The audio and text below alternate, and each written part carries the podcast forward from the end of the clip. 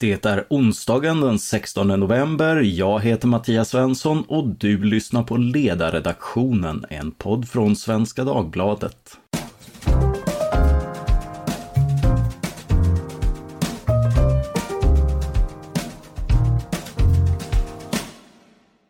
Dagens ämne är den svenska efterkrigstiden.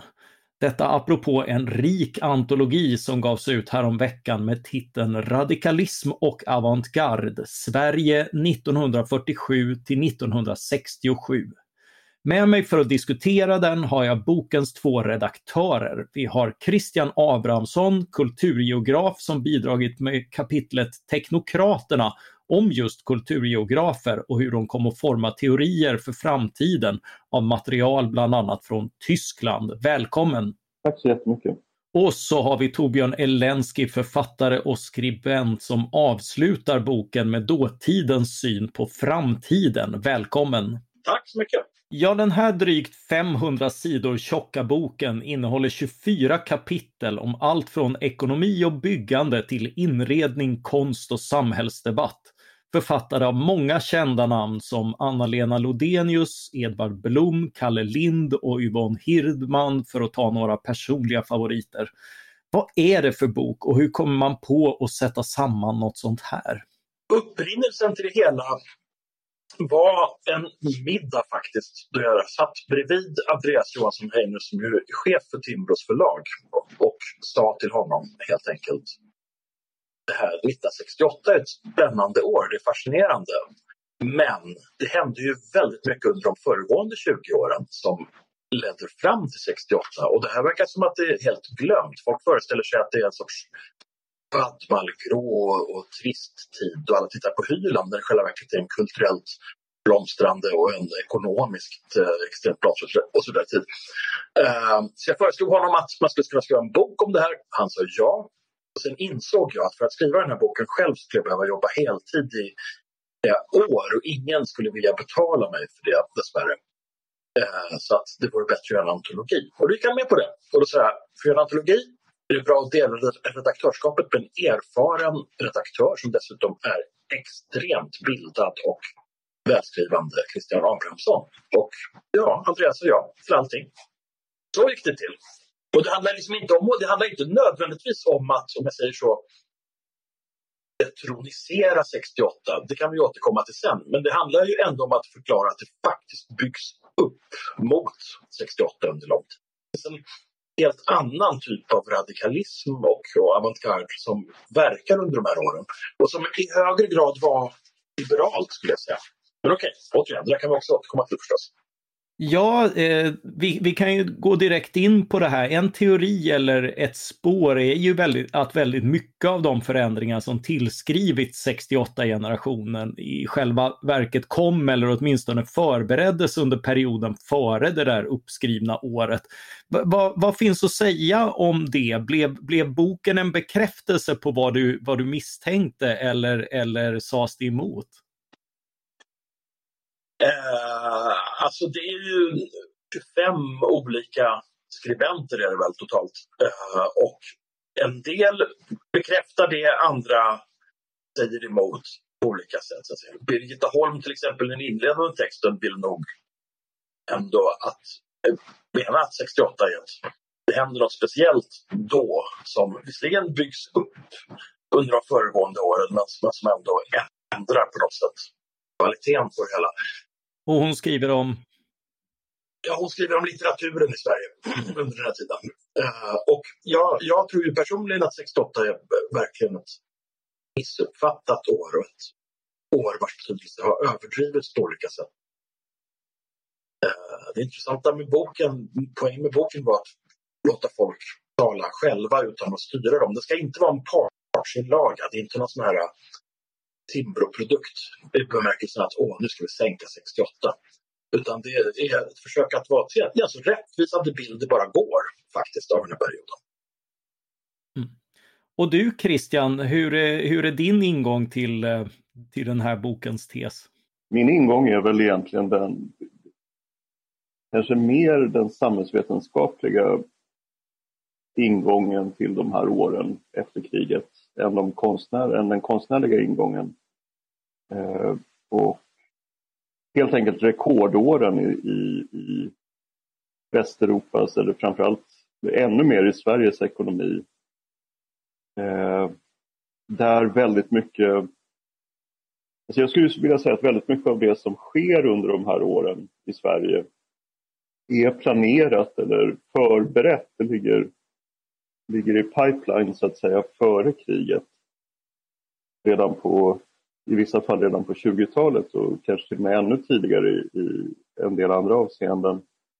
Men sånt som inte kan genomföras förrän efter kriget.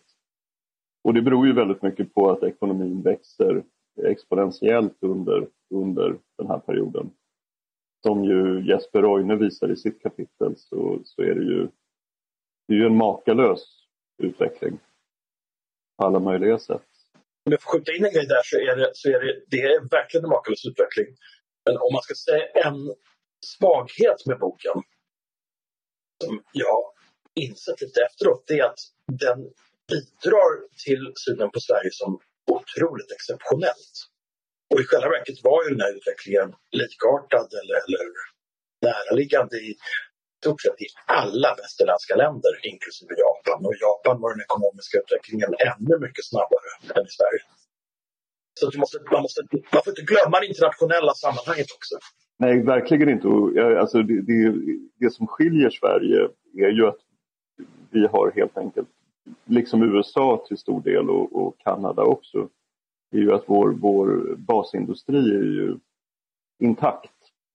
Alltså det, de rivningar som, som äger rum är ju någonting som vi, vi gör helt frivilligt och inte någonting som har påtvingats av, av bombningar och liknande saker. Så att, så att vi, vi har ju ett litet försprång kan man ju säga.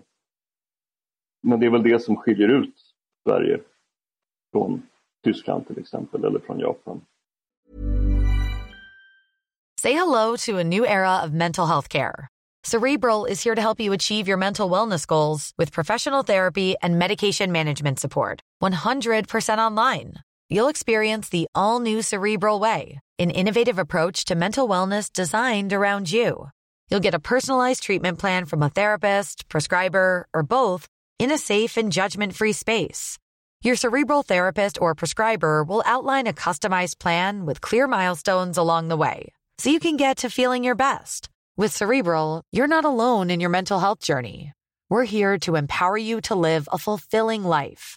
So take that first step towards a brighter future and sign up today at cerebral.com slash podcast and use code ACasts to get 15% off your first month. Offer only valid on monthly plans. Other exclusions may apply. Offer ends July 31st, 2024. See site for details. Ni, ni har ju ändå tagit en eh, internationell eh, eh, inspiration, en, en som nämns i boken, även om den förstås må, kom, måste kommit in senare än, än idén, är eh, Louis Menand, jag vet inte hur han uttalar sitt namn, The Free World, Art and Thought in the Cold War. Ja. Hur har den inspirerat?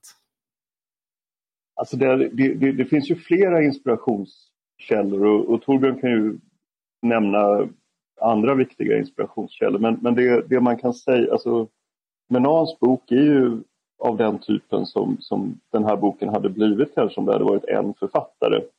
Mm. Eh, och en bok som jag tror att han, ja, jag tror att han har arbetat på, på The Free World i kanske ja, 20 år.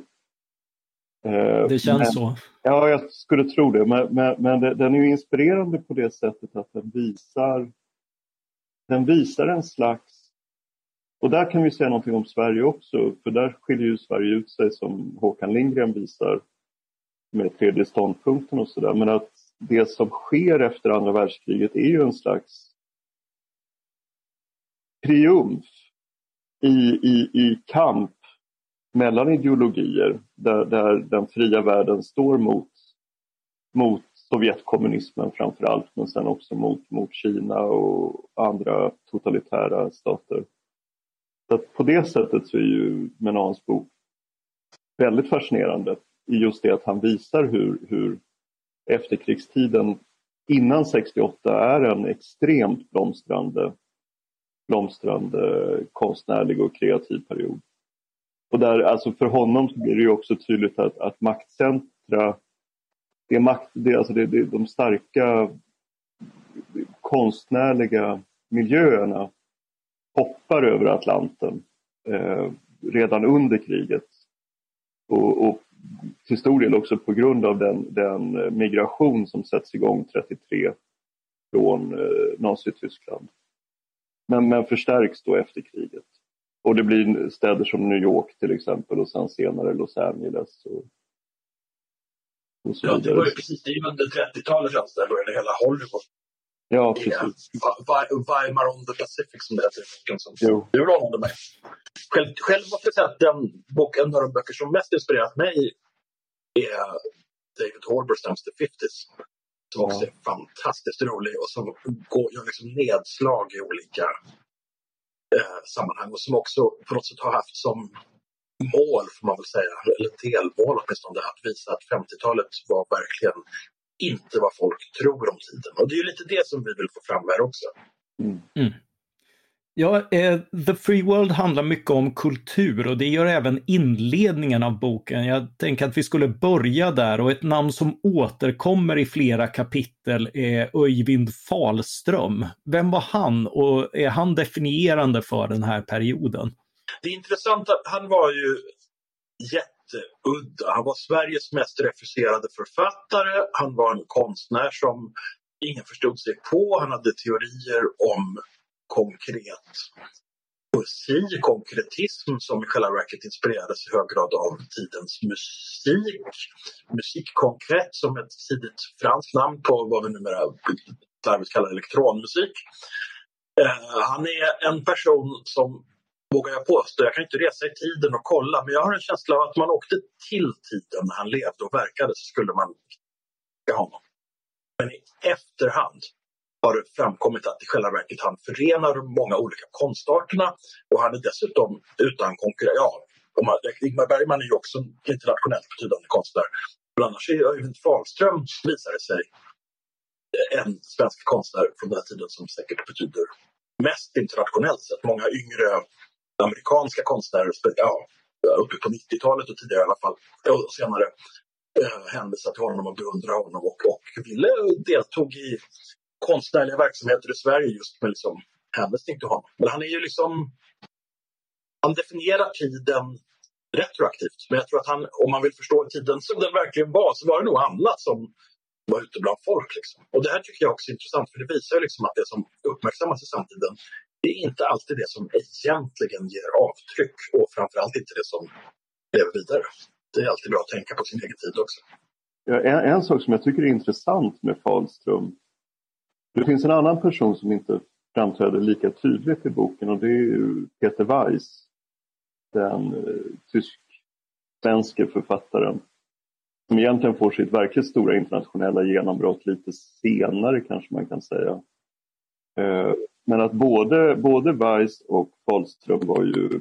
Eh, Falström Fahlström var född, han hade svenska föräldrar men var född och delvis uppväxt i Brasilien. Och Weiss kom ju till Sverige som tonåring från Tyskland som judisk flykting. Jag tror via Prag faktiskt. Eh, att de, familjen bor i Prag i några år också, men det kan vara fel. Men, men att de, det, det, blir som att det, det verkar som att det är olika personer som liksom skapar kraftcentran. Och jag har tänkt lite grann att en förklaring till det kan vara att, att de här miljöerna är så pass små fortfarande. Alltså det, det, det är inte så fragment, komplicerat. Så att några personer kan liksom utgöra de här noderna som väldigt många samlas kring. Eh, alltså vi har ju också Christer Strömholm som ju är, inom fotokonsten har liknande betydelse. Så att det, Stockholm verkar, det, det, är ett intryck som jag har när jag har liksom läst de här texterna och tänkt vidare. att Stockholm på 50-talet verkar ha varit en relativt liten stad på gott och ont. Och, och mycket, mycket på gott. Ja, det blir ju lättare att följa och, och, och personer sätter, sätter ett större avtryck. Ja. Jo, precis. Eh, en favoritkaraktär som dök upp eh, i Johan Redins kapitel om musiken är Bo Nilsson, en yngling från Gällivare som på 1950-talet skrev verk åt de största alternativscenerna i Tyskland. Är, är det någon som vill berätta om honom? Nej, men han verkar ju som att han var en väldigt begåvad yngling som satt hemma och lyssnade på radio och kollade och informerade sig om den samtida musikens utveckling. Och sen testade att göra någonting själv och som 18-åring slår igenom nere i Tyskland. Det är ju alternativscen kanske för tankarna till popsammanhang men det här är ju avantgarde-scener verkligen. Det här är ju liksom det hårda Darmstadtskolan, Pierre Boulez spelar verk av honom framför verk av honom bara något år efter. En fixstjärna i 1900-talsavantgardet under hela efterkrigstiden. Uh, han är fascinerande. Sen driver han ju med sin egen position mm. några år senare. Han, han, han, han skämtar och skojar liksom och menar att han liksom bluffade. Fast det där tror jag man inte ska ta på allvar. För han, om han bluffade så bluffade han ju fullkomligt fantastiskt genialt. Han tonsatte också Evin Fahlström för övrigt. Ja, och, och han, han, det är ju det att han kopierar och jag menar det, det är rätt många som gör det i musik. Eh, och, och adderar man något eget så, så är det ju ja, då, då, då, bidrar man rätt mycket. Men att han sen går över till att skriva slager, filmmusik, alltså den här folktillvända är ju en slags omvänd haha-revolution mot revolutionärerna. Ja, fast också en eh, liksom lite postmodern och lite punkig inställning. Han tar inte sig själv och det hela på så fruktansvärt blodigt allvar, vilket ju skiljer honom från väldigt många av de här kring Darmstadt i Tyskland inte minst, där liksom musiken är religion och de här mästarna är, de är liksom stora genier man ska falla på knä för. Stockhalsen är ju paradexemplet på en sån. Kan, kan man kalla honom sin tids Sokal, alltså med anspelning på fysikern Allan Sokal som skrev en fejkad artikel till den postmoderna vetenskapstidskriften Socials text på 90-talet för att avslöja? Nej, jag tycker inte det. För att ja, det, han gjorde inte det för att avslöja. Däremot så lekte han med det på ett sätt som han själv möjligen då tyckte var han tyckte det var lätt. Mm. Och om man tycker att någonting är väldigt lätt då kan man ju ty tycka att liksom, jaha, men okej, jag kanske inte gjorde det på allvar. Det närmaste, det är i och för sig ett år innan som vi kommer en, en sån social text bluff, det skulle väl vara Kamera obskur, Obscura av Lars Gyllensten och Torgny Greitz som de skriver under pseudonym för att driva med alltså 40-talsmodernismen. Eh, de skriver ihop den här boken på några timmar Eh, och sen blir det liksom skandal när det avslöjas att det är två medicinstudenter som har drivit med hela genren. Så att det finns ju en del sådana experiment eller, eller mer student, det är lite åt det studentikosa hållet kanske. Ja, jag tänkte gå över till, var det något som slog eller överraskade er under läsningen av bokens kapitel? Något stort eller smått? Ja, det var det väl hela tiden skulle jag säga. Det, det är en sak som, som man kan säga också om, om, hur vi arbetade som redaktörer. Det viktiga beslutet för oss som redaktörer var att välja ut rätt författare och sen ge dem väldigt fria händer eh, inom, inom ramen av ett visst ämne då som vi hade tänkt att de, att de skulle kunna skriva intressant om. Så där var ju, alltså, det var mycket som jag insåg att jag inte kände till eller kunde eller, eller hade förstått. Eh, ett sånt kapitel för att nämna, eh, alltså Oskar Schwarz kapitel om sexualiteten är ju oerhört fascinerande. Mm. Eh, om, om liksom hur den berättelsen är en slags, från, från början, alltså när det handlar om att få bort lagstiftningen mot, alltså att, att det är olagligt att vara homosexuell att det på, på vissa sätt är liksom en, enmans, en enmansrörelse eh, underifrån. Eh, som ju med nödvändighet då blir lite komplicerad eftersom det är just då kriminaliserat och sjukdomsklassat.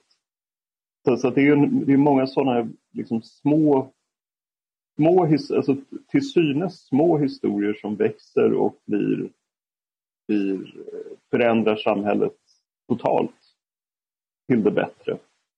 Eh, och, där, där tror jag att boken, boken kan öppna upp väldigt mycket. Det som är intressant med boken är ju helhetsbilden på något sätt som man får. Det är som väldigt många facetter, liksom ingångar på samma ämne. Och sen upptäcker man ju också då att ja, men man hade kunnat ha ytterligare kapitel. Det finns alltid ännu fler liksom, aspekter man skulle kunna ta. Och vissa kapitel kanske skulle ha krävt två olika författare för att få kompletterande. Men det skulle bli en flera tusen sidor till slut. Det blir helt orimligt.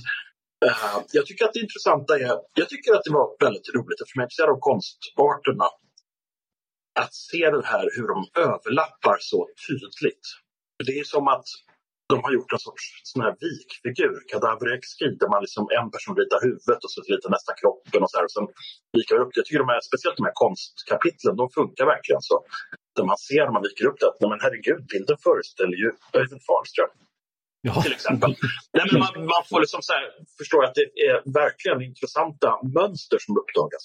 Och det gäller ju även annat där man tycker, man tycker att man vet att ja, allting förändrades med bilsemester och sådär efter andra världskriget. Men sen när man läser om det så här så, jäklar vilken frihetsutveckling det var faktiskt jämfört med att sitta och kuska runt på tåg och sånt där.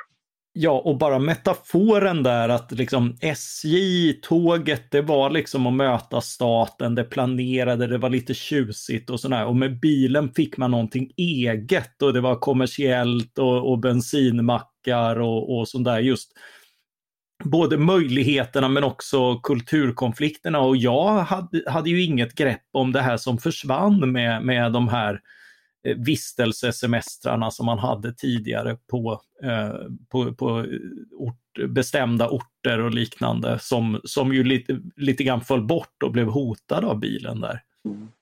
Jag tycker att, jag tycker att eh, Christians kapitel är väldigt intressant för där tar han upp saker som jag verkligen till. Jag tänkte att vi skulle hoppa till det, eh, ditt kapitel Christian, Teknokraterna. Eh, kan du berätta lite om det och hur det passar in i bokens narrativ?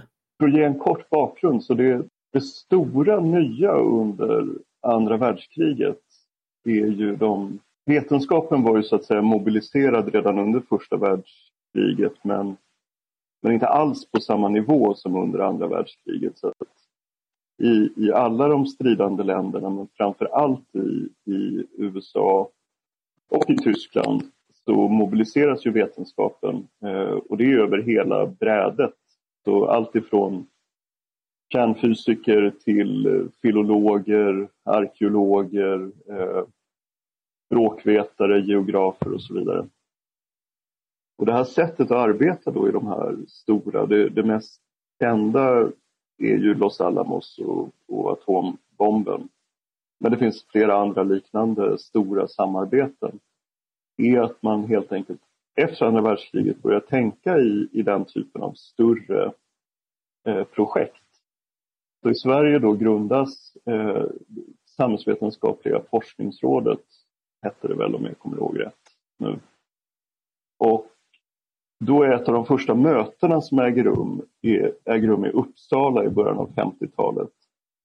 Och då är det eh, de olika, för då, den samhällsvetenskapliga fakulteten existerar ännu inte just då. Eh, men de, de har börjat liksom, de samhällsvetenskapliga ämnena har börjat bli viktigare efter andra världskriget också. Så vi får ju professurer då i, i kulturgeografi och så vidare. Men då äger det rum ett möte då i Uppsala där man ska då, för det handlar ju väldigt mycket om att ställa då vetenskapen i, i politikens tjänst på olika sätt. Eh, vilket var det tydliga under andra världskriget också, att vetenskapen skulle vara nyttig för politiken eller för kriget. Och då är det eh, vad som lustigt nog är min handledares handledare som var den första kvinnliga professorn vid Uppsala universitet som hette Gerd Enekvist. Hon hade fått den här kulturgeografi eh, lärostolen när ämnet delades. Alltså det var först var en, en professur för en, eh, samma, samma professor för både natur och kulturgeografi. Och han hette Filip Hjulström. Eh, och och hon får den här i kulturgeografi då och ska då visa på nyttan av ämnet. Och då är det då framförallt teorier som centralortsteorin eller centralortsmodellen är den tydligaste. Och det är den de då ska lansera eh, under det här mötet. Och den har då utvecklats i Tyskland under 30-talet och varit extremt viktig för eh, de olika planer framförallt alltså den plan som kallas för generalplan Ost som är då den plan som ska omforma de ockuperade av Nazityskland då ockuperade områdena i Central och Östeuropa. Som ju aldrig genomförs i någon större skala men det, det genomförs i, i, lite mindre skala i framförallt i närheten av Auschwitz i Polen.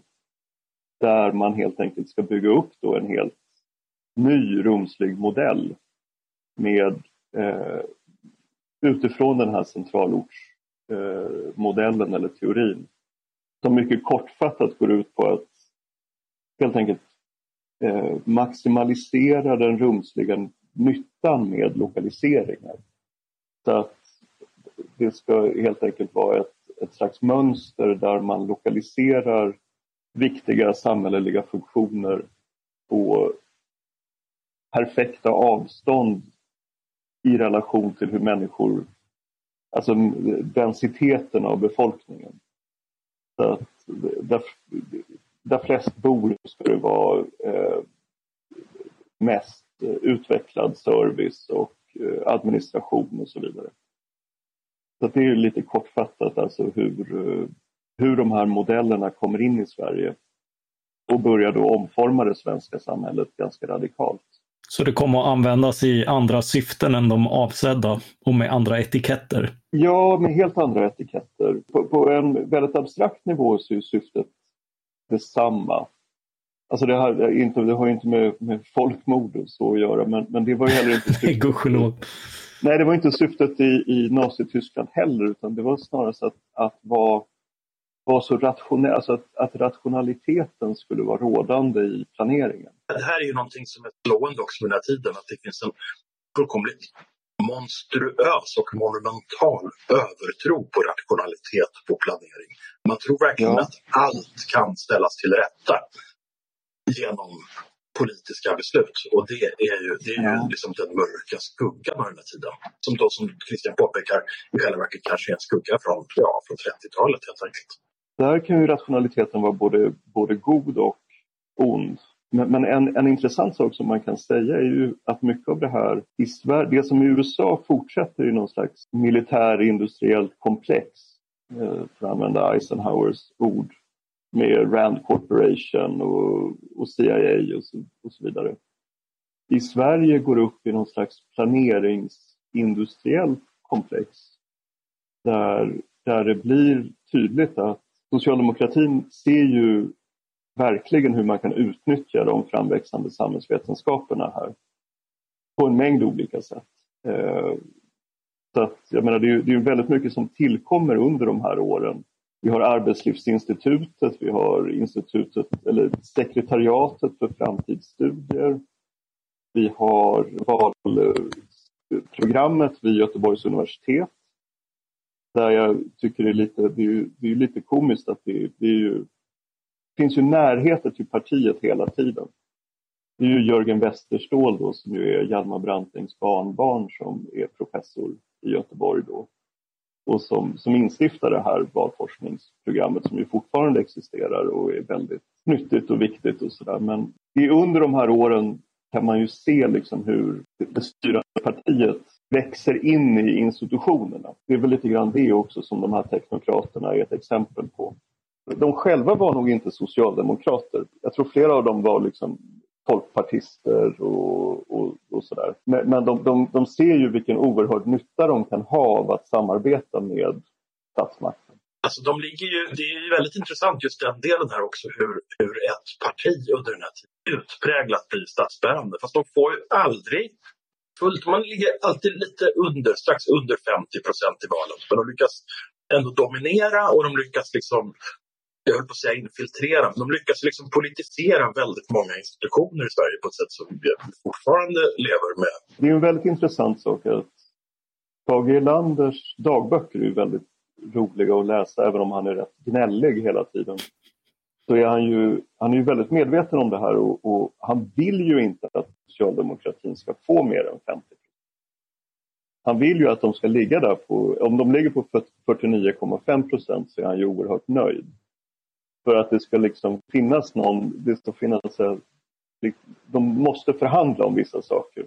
Om de, om de får bestämma helt själva, då hamnar ju också skulden för eventuella misslyckanden helt på dem. Så att det är ju någonting.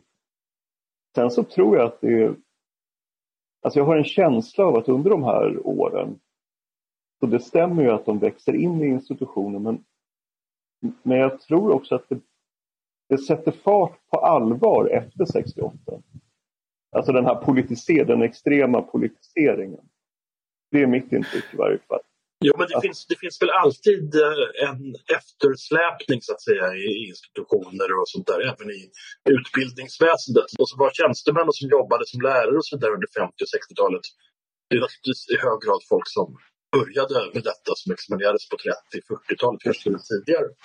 Jo. Och så pågår det även senare in på 70-talet när de lärare som dominerade skolan var ju lärare som hade kanske just börjat bara på till och med 40-talet, 50-talet och sådär. Ja, och jag tror, också, jag tror också att det finns ett tjänstemannamönster som är mycket, mycket äldre, som är från 1880-talet, 1890-talet som, som är egentligen det som Olof Palmes regering på 70-talet avskaffar. Eller de börjar avskaffandet i och med att man tar bort tjänstemannaansvar och så vidare.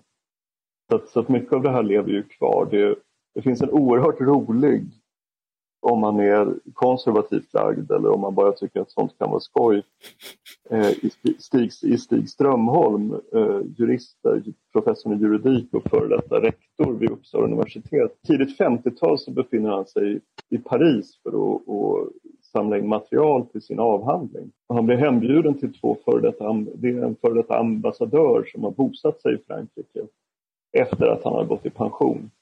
Och de liksom sitter där och pratar om att det går inte att bo i Sverige längre. Det är helt omöjligt för det är så oerhört revolutionärt och radikalt. Och, och det är liksom, samhället har gått under. Och det här är väl kanske 1951, 52 någonting sånt. Så det är lite eh, talande kan man säga.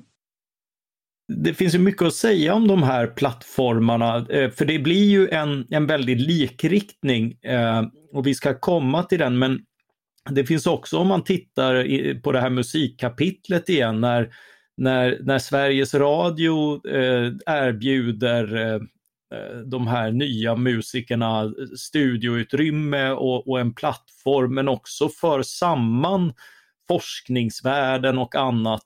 när när, när det blir i, i början av det här eh, centralstyret så är det ju rätt fria mötesplatser över väldigt många eh, förvärvsgränser och just också där underlättar det ju att det inte är så många så att man kan bilda egna kotterier inom medier, inom kultur och annat. Eh, är det, en, är det en rimlig spaning att det, att det sker väldigt mycket fruktbara möten i den här eh, ganska kontrollerade det, det tror jag är en mycket viktig spaning. Det sker många fruktbara möten och folk som kommer rakt in från gatan i stort sett får fullkomligt enorma resurser också. Tekniska och ekonomiska och lokaler. Alltså, det är något som gör den här tiden helt unik. Liksom. En sak som jag tror att man måste komma ihåg och som jag återkommer till rätt ofta det är, det är att elitformationen i Sverige var mycket tydligare på den här tiden. Så att det, om man tittar på vad det innebar till exempel att ha en, att ha en studentexamen eller att ha en kandidatexamen eller en ja, eller ha doktorerat eller vad man nu hade gjort. En doktors, doktorsgrad idag är väl ungefär likvärdig med en magisterexamen på den tiden. Alltså det, det, det på något sätt så har det, inflationen i samhället har inte bara skett när det gäller reda pengar utan en hel del andra saker också. För att ta ett exempel som min eh, mammas svärfar tog, jag tror han tog tio år på sig att få en fil. kand. i Uppsala i litteraturvetens, eller litteraturhistoria. Han umgicks istället med Lars Forssell och författare i största allmänhet sådär, och poeter. Men han kunde då med den filkanden gå direkt in eh, och få en, liksom en tjänst på regeringskansliet och göra jättefin administrativ eller byråkratkarriär utan att egentligen ha, ha rätt rätt inom citationstecken examen. Och det tror jag var vanligare förr i tiden. Om man tittar på många av de här som kommer in på, på, på tv och radio och så vidare så de hade egentligen, deras erfarenheter var ju att de hade spexat i Lund eller Uppsala. Och sen så får de rätt fina tjänster. Det, det behövdes människor och det fanns inte så många att tillgå. Det gäller ju även exempel Hasse och Tage och sådana där. Studentspexare och sen oerhört framgångsrika. Tage Danielsson var ju legendarisk i Uppsala för att han förstörde, han förstörde fundamenten för Östgöta nation. Eh, han hade, när han var första kurator där så skulle han ha en Venedigfest, en Venediggask. Han fyllde källaren på Östgöta nation med vatten. Och festen gick ut på att man flöt runt där i källaren på luftmadrasser. Ja, det är mycket frigörelse och sånt där, men eh, jag tänkte, jag fastnade för en mening i Oskar Schwartz kapitel om, om nakenhet och frigjord sexualitet som jag också har skrivit om när jag skrev om boken. Det här att han noterar att hippierörelsen i USA utgjorde en motkultur, en parallell värld, medan det homogena Sverige ställde om helt. Skola, stat, politik, kultur enades runt att ersätta kyrka och irrationell moralism med modernitet och rationell vetenskap. Jag tycker jag hittar många beskrivningar i boken av hur radikala skiften ändå sker med bevarandet av en svensk konsensus. Vi var radikala i Sverige också, men i takt, alla på en gång. Är, är det något ni håller med om? Jag håller absolut i hög grad med om det. Alltså det svenska makthavare är ju verkligen experter på det som Marcuse sen 68-gurun kallar för repressiv tolerans. Man liksom tar upp allting som är nytt och fint och gör det till sitt. Och, liksom, och på något sätt så gör man det ju då också ofarligt. Det går ju inte att komma ifrån tyvärr. Det finns ju inte någon riktig svensk punk i överförd mening heller. Sen är det ju så, det måste man komma ihåg tycker jag med Sverige, att Sverige, där att Sverige gör radikala stora förändringar. Det är ju ingenting som är egentligen nytt med efterkrigstiden. Men en av de största och mest radikala förändringarna någonsin som har påverkat det svenska kulturen och kynnet, det är ju enskiftet, inte sant? Ja, ja. ja, ja. Uh, och sen har det varit i omgång efter omgång flera olika sådana här riktigt sådär rejäla omgörningar av samhället och av städerna och stadskärnan.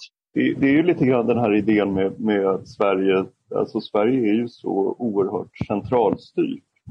Alltså ända sedan 1500-talet. Eh, så, så, att vi har ju en väldigt lång tradition av det. Och Sen finns det ju, det finns ju delar där lantmätarna försvann i drivor och grävdes ner i någon myr. Fast det är viktigt att komma ihåg här, om man pratar inte minst om socialdemokratin och det Sverige som den skapade.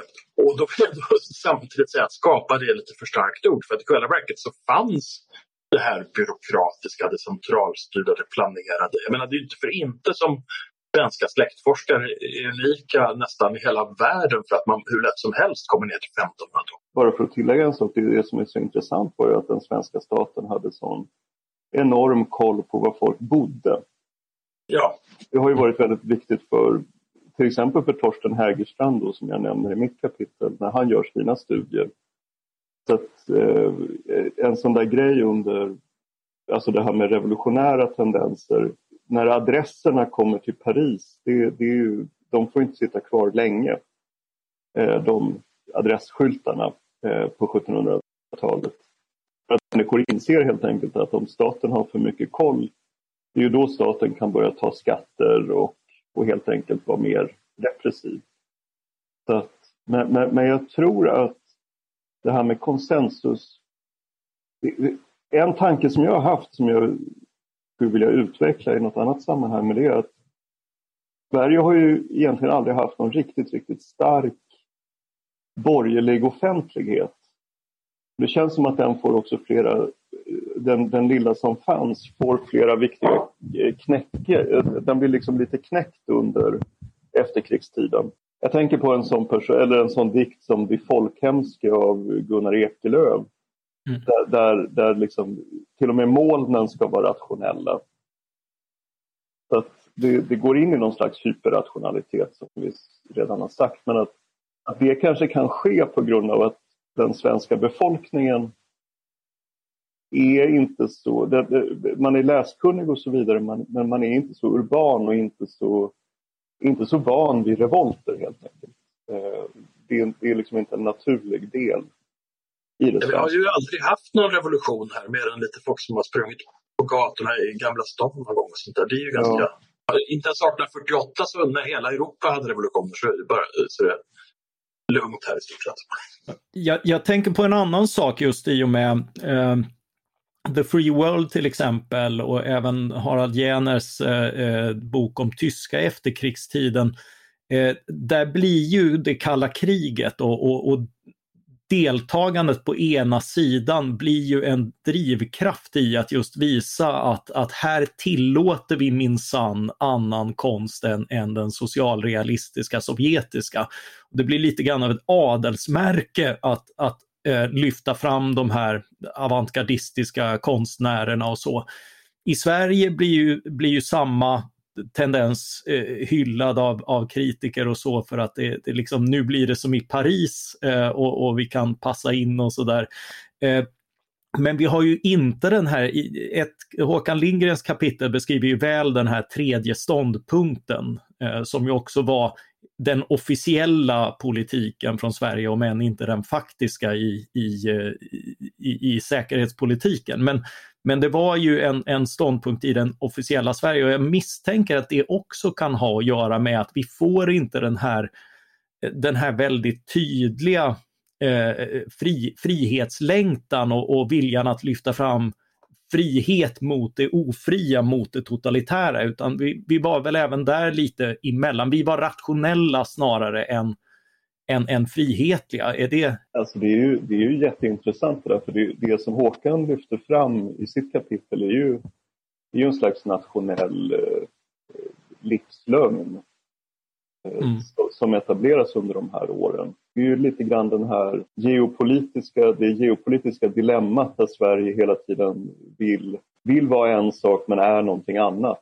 Eh, och, och, hur Håkan då visar hur de svenska officerarna, vissa generaler var krigsplacerade på NATO-baser och, och, hur det fanns liksom dokument och så vidare som, som var genomförhandlade, vad som skulle ske om det blev ett tredje världskrig och så vidare. Sverige blir ju som min farfar brukade säga, amerikaniserat. Ganska tydligt amerikaniserat. Så, att, så att det blir ju uppenbart för de flesta att det är vår naturliga hemvist i världen. Samtidigt så är liksom USA hatet och det, det kanske kommer senare förvisso, det, det är väl 68 och 70-talet, blir ju extremt virulent i Sverige. Och tredjevärldismen kommer in som en sån, som Torbjörn har visat i flera texter också, som en slags överideologi.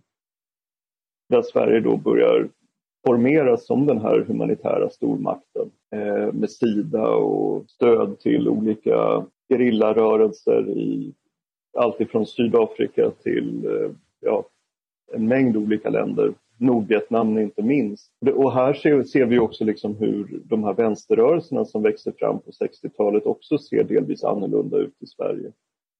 Jämfört med Tyskland och Frankrike och, och så vidare. På vilka sätt då? Men också återigen hur de ganska snabbt blir, de blir liksom en del av någon sorts åtminstone medial och kulturell mainstream väldigt snabbt. Ja, exakt. Eh, jag tycker att konstvetaren Silla Råbachs kapitel om svensk design är ett av de roligaste, just hur att, att till och med här fanns en, en uppifrån påbjuden norm kring, kring liksom estetiken och också, också den kunde, eh, skulle vara rationell och sådär. Eh, och ett citat från en rektor Justus Eljeskog som skriver att tanken att enskilda människor opåtalat och obegränsat skulle få lov att vara enbart sig själva är, så vitt jag kan se, inte bara orimligt utan till sina konsekvenser helt skräckinjagande. Vi skulle då bara ha att göra med egoistiska vettvillingar som blankt struntade i samhället och dess försök till påverkan och uppfostran och detta alltså är en debatt om folk själva kunde välja köksredskap och inredning. Alltså det är en sån fantastisk, uh, hela den där historien, hennes kapitel det är ju så fantastiskt alltså, med det här moraliserandet kring huruvida man har, har dekorerat porslin eller inte. Det är liksom dekadent att ha blommor på kanten på sin filtallrik. Ja, och väcker motvilja. Det är ju ganska intressant som min handledare Gunnar Olsson brukade säga, eller brukar säga, det är mycket lättare att förändra de rumsliga mönstren än att förändra människors sätt att tänka. Så det, det, är genom planering på olika sätt som vi kan förändra beteenden mest effektivt. För det, det som sker med den förändrade planeringen, och då fysisk planering men också annan form av planering, och också då estetiska vanor och så vidare. Eh, där kanske det blir lite svårare i och för sig, men det, det, det är mycket lättare att genom den typen av åtgärder förändra beteendemönster än genom uppfostran. Framförallt när det gäller vuxna människor. Så helt plötsligt så försvinner de här, för att ta fysisk planering då, de här oregeliga stadsdelarna med eh, olikhet, radikal olikhet. För att tala med Jane Jacobs, den eh, amerikanska teoretikern. Och helt plötsligt så, så, så, har vi då de här räta vinklarna och tydliga eh, liksom mönstren där, där människor helt enkelt inte kan röra sig på samma sätt som tidigare. Och också, precis, också lokaliseringen av institutioner och sånt där. Man flyttar universitetet som låg inne i Stockholm förut ut till liksom en sorts uh, specialområde där du nästan inte har kontakt med någon. Där, där min institution i Uppsala låg i det som på den tiden kallades för humanistcentrum men nu kallas för ekonomikum var liksom konstruerat som en slags borg där det just skulle vara väldigt svårt att, att vara oregerlig i, i den här byggnaden. Den var byggd på det sättet. Så där kan man ju se hur, hur, hur även demokratiska samhällen kan ha olika totalitära tendenser utan att man ens är medveten om att de är totalitära. Det är kvävande enhetligt och ja. eh, och jag tänker å andra sidan så när man tittar i eh, Silla Råbachs kapitel igen så blir ju friheten, det blir å andra sidan ja, nu struntar jag i estetiska krav, nu struntar jag i eh, liksom, eh, smak, eh, skicklighet. Då, då, anything goes liksom och, och ju mer provocerad du blir av det desto, eh, desto bättre. Det, det, ska vara fult och motbjudande och, och inte alls tilltalande. Och det här är ju sånt som verkligen blommar ut senare med Carl-Johan De Geers design och Tio-gruppen och sån här anti-design. Liksom. Men då är vi väl i princip i 68 och nästa fas. Liksom. Även om det mm. börjar här kanske. Ja, jag tänkte det kan, kan vara förklaring till att frihet aldrig riktigt lockat. Jag, jag tänkte gå över till efterkrigstidens decennier har ju blivit eh, ett ideologiskt slagfält på senare år. Jag, jag, har nog inte läst någon anglosaxisk akademiker på senare år som inte hyllat decennierna fram till 1970 som mänsklighetens bästa tid. Eh, ofta en tid då de var unga ska sägas. Men tillväxten var hög, jämlikheten ökade som Jesper Roine visar också i Sverige. Socialdemokrater ser en tid av stadiga framsteg och optimism. Reaktionärer ser en oskyldig och oförstörd tid före förfallet som inleddes 68 det går att göra ett rätt starkt case för att det här var en bra tid. Men, men vad var det som var bra? Det var ju bra att det fanns enorma resurser. Det är helt fantastiskt. Och även om vi nu pratar om svensk planering och sånt där så var det också en tid då friheten fullkomligt exploderade. Homosexualitet var förbjudet i början till exempel men det blir ju trots allt lagligt som en följd av den här utvecklingen. Eh, samma sak med, med ungdomars sexualitet, musiksmak, sätt att umgås och så vidare. Allting utvecklas jättesnabbt och det finns liksom en möjlighet för var och en att få tillgång till, liksom, till kreativitet och fria rum och så vidare. Eh, gamla stela umgängesformer bryts ner. Jag menar på 50-talet, det är folk som man kan knappt föreställa sig det, men man tilltalade ju faktiskt överordnade åtminstone i tredje person med titlar och sånt där. Det är inte, mm. det, det, det, är inte så att, nu finns det de som niar och, så där och tycker att de är konservativa, men det är ju i själva verket de har missat hela poängen med det. det är klart att det blir liksom dynamiskt och roligt och, och fantastiskt under den här frihetstiden. Mm. Christian? Alltså, jag, om, om jag ska lägga till någonting, det, jag är inte alls säker på att... Alltså det, var, det var självklart väldigt, väldigt viktiga och väldigt bra decennier. Samtidigt, det, det finns en historieskrivning i det här som är ganska intressant och som, är, som beror just, tror jag, på, på Socialdemokraternas långa maktinnehav. Att, att allt, all, all manna från himlen är, är Socialdemokraternas verk. Så att egentligen, alltså de här, de här decennierna, det, det, det sammanfaller ju med en lång socialdemokratisk regeringstid. Men i själva verket så är många av de eh, framgångar som Socialdemokraterna då kan, kan skörda är, är resultatet av utveckling, en utveckling som är mycket, mycket äldre. Och i många fall som går tillbaks ända till eh, mitten på 1800-talet. Många av institutionerna formeras och blir starka eh, på 1880 och 1890-talet. De stora företagen som är de centrala för, för ekonomin under de här åren är ofta uppbyggda eh, sent 1800-tal, tidigt 1900-tal. Utbildningssystemet är betydligt äldre än eh, 1950-1960-tal i viktiga avseenden. Eh, universiteten fungerar ungefär på samma sätt på 1910 som på 1960-talet. Så, så, att jag tror att historieskrivningen här är liksom en slags eh, socialdemokratisk triumfhistoria som inte riktigt är sann.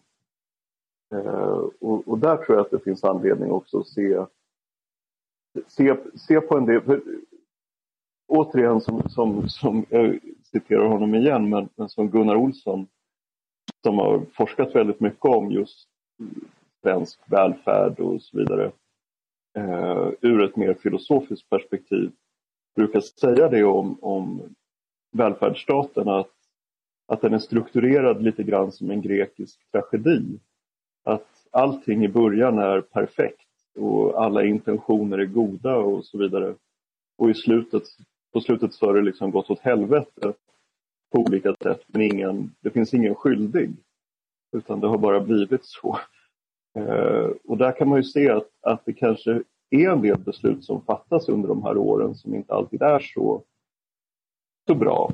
Eh, och, och där, där det finns anledning att vara starkt kritisk. Ett sånt tydligt exempel där, där, där människor verkligen får se sina verkligheter förändrade och livsvärldar uppryckta och så vidare är ju de massiva rivningar som äger rum under 50 och 60-talet. Vi får inte stirra oss blinda på Sverige. Sverige var inte, trots den här boken då, Alltså, inte så extremt och så exceptionellt tänker oss alltid. För att jag menar, den ekonomiska utvecklingen var enorm i hela övriga Västeuropa utom Spanien och Portugal förstås. Välfärdsreformer genomfördes i alla möjliga europeiska länder under helt andra regeringar än socialdemokratiska. Mycket mer liksom borgerliga regeringar, gaullister i Frankrike och så vidare det var någonting, det, var, det är inte så att Socialdemokraterna har hittat på allt det här de har gjort heller utan det har liksom funnits i tiden. Och som sagt i andra länder kan det vara till och med konservativa partier som har genomfört olika reformer. Det är dags för oss svenskar nu att ta ett steg tillbaka också och försöka se hur är det här egentligen? Jag menar Japan och Italien hade ju liksom något bländande utveckling och tillväxt och design och nyskapande under den här tiden. Eh, till, delvis kanske till och med mer än vi, ärligt talat. Vi måste se Sverige i ett internationellt sammanhang. Och det är vi dåliga på. Det är vi dåliga på historiskt och det är vi dåliga på även nu i samtiden. Journalisten P.J. O'Rourke eh, konstaterade ju efter att ha åkt eh, runt i världen och varit i Sverige att eh, australiensarna frågar “Are you having a good time?” Fransmännen frågar när du åker och svenskarna frågar vilka är vi? Och vad håller vi på med? Vi är helt upptagna av andras bild av oss. Jag kan tipsa om man vill få en utifrånblick från de här åren som är oerhört intressant. Så gjorde eh, marxisten och historikern Perry Anderson gjorde ett reportage från Sverige i mitten på 60-talet när tidskriften New Left Review är precis nygrundad. Och en av dem heter, eh, eh, titeln är Mr Crosslands Dreamland. Eh, och Crossland var ju då en, social, en brittisk socialdemokrat. Och han intervjuar bland annat en, en mycket ung eh, eh, utbildningspolitiker vid namn Olof Palme. Och, och det Perry Anderson ser redan då är att bilden som svenskar har av sig själva som, alltså den här chauvinistiska bilden som jag tycker ändå att vi har och många gånger inte alls är överensstämmande med vad hans, alltså han, det är inget drömland på det sättet som eh, det framställs som.